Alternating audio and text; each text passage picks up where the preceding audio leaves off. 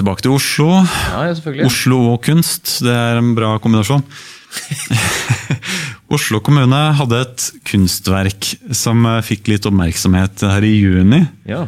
Som besto av um, På Grünerløkka, hvis du gikk over Grünerløkka eh, Så hadde Oslo kommune brukt 150 000 skattekroner på rettighetene til et kunstverk som handler om at 18 personer skal stå stille som en gjeng og stirre rett fram. ja. Og hvis hvordan- du da gikk forbi eh, den gjengen og stilte deg foran de, så ville jo de stirre på deg. Eh, ganske interessant. Eh, det var en fransk kunstner, Carole Doyard. Burde nesten slette den forferdelig dårlig uttale. Men, men, bare, bare, det er ikke, skulle, ble det dokument, fotografert dette her, eller filma på noe vis, eller? Ja, det ble nei, ikke sånn filma som at det skal vises. Kunstverket var der og da. Og hvis du ikke du gikk forbi de på Gr- Grünerløkka, så er kunstverket over.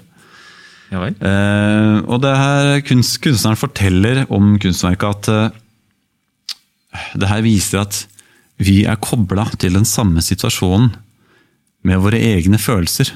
Det handler om eksistensialisme. Ja.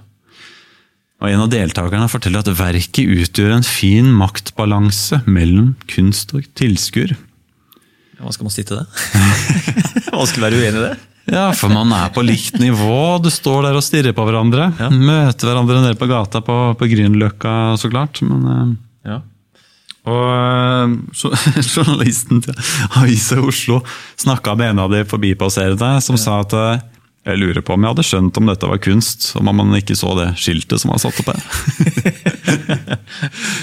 Men, var det Oslo? Var det 150 000 kronene for rettighetene til kunstverket? Hva var det de betalte for der, da? Jo, og det er så morsomt, fordi rettighetene Det her er jo denne franske kunstneren som har funnet på det her konseptet. Stirrekonseptet. Og det følte Oslo kommune at de måtte betale penger til henne for eh, eh, intellektuelle rettighetene til det her.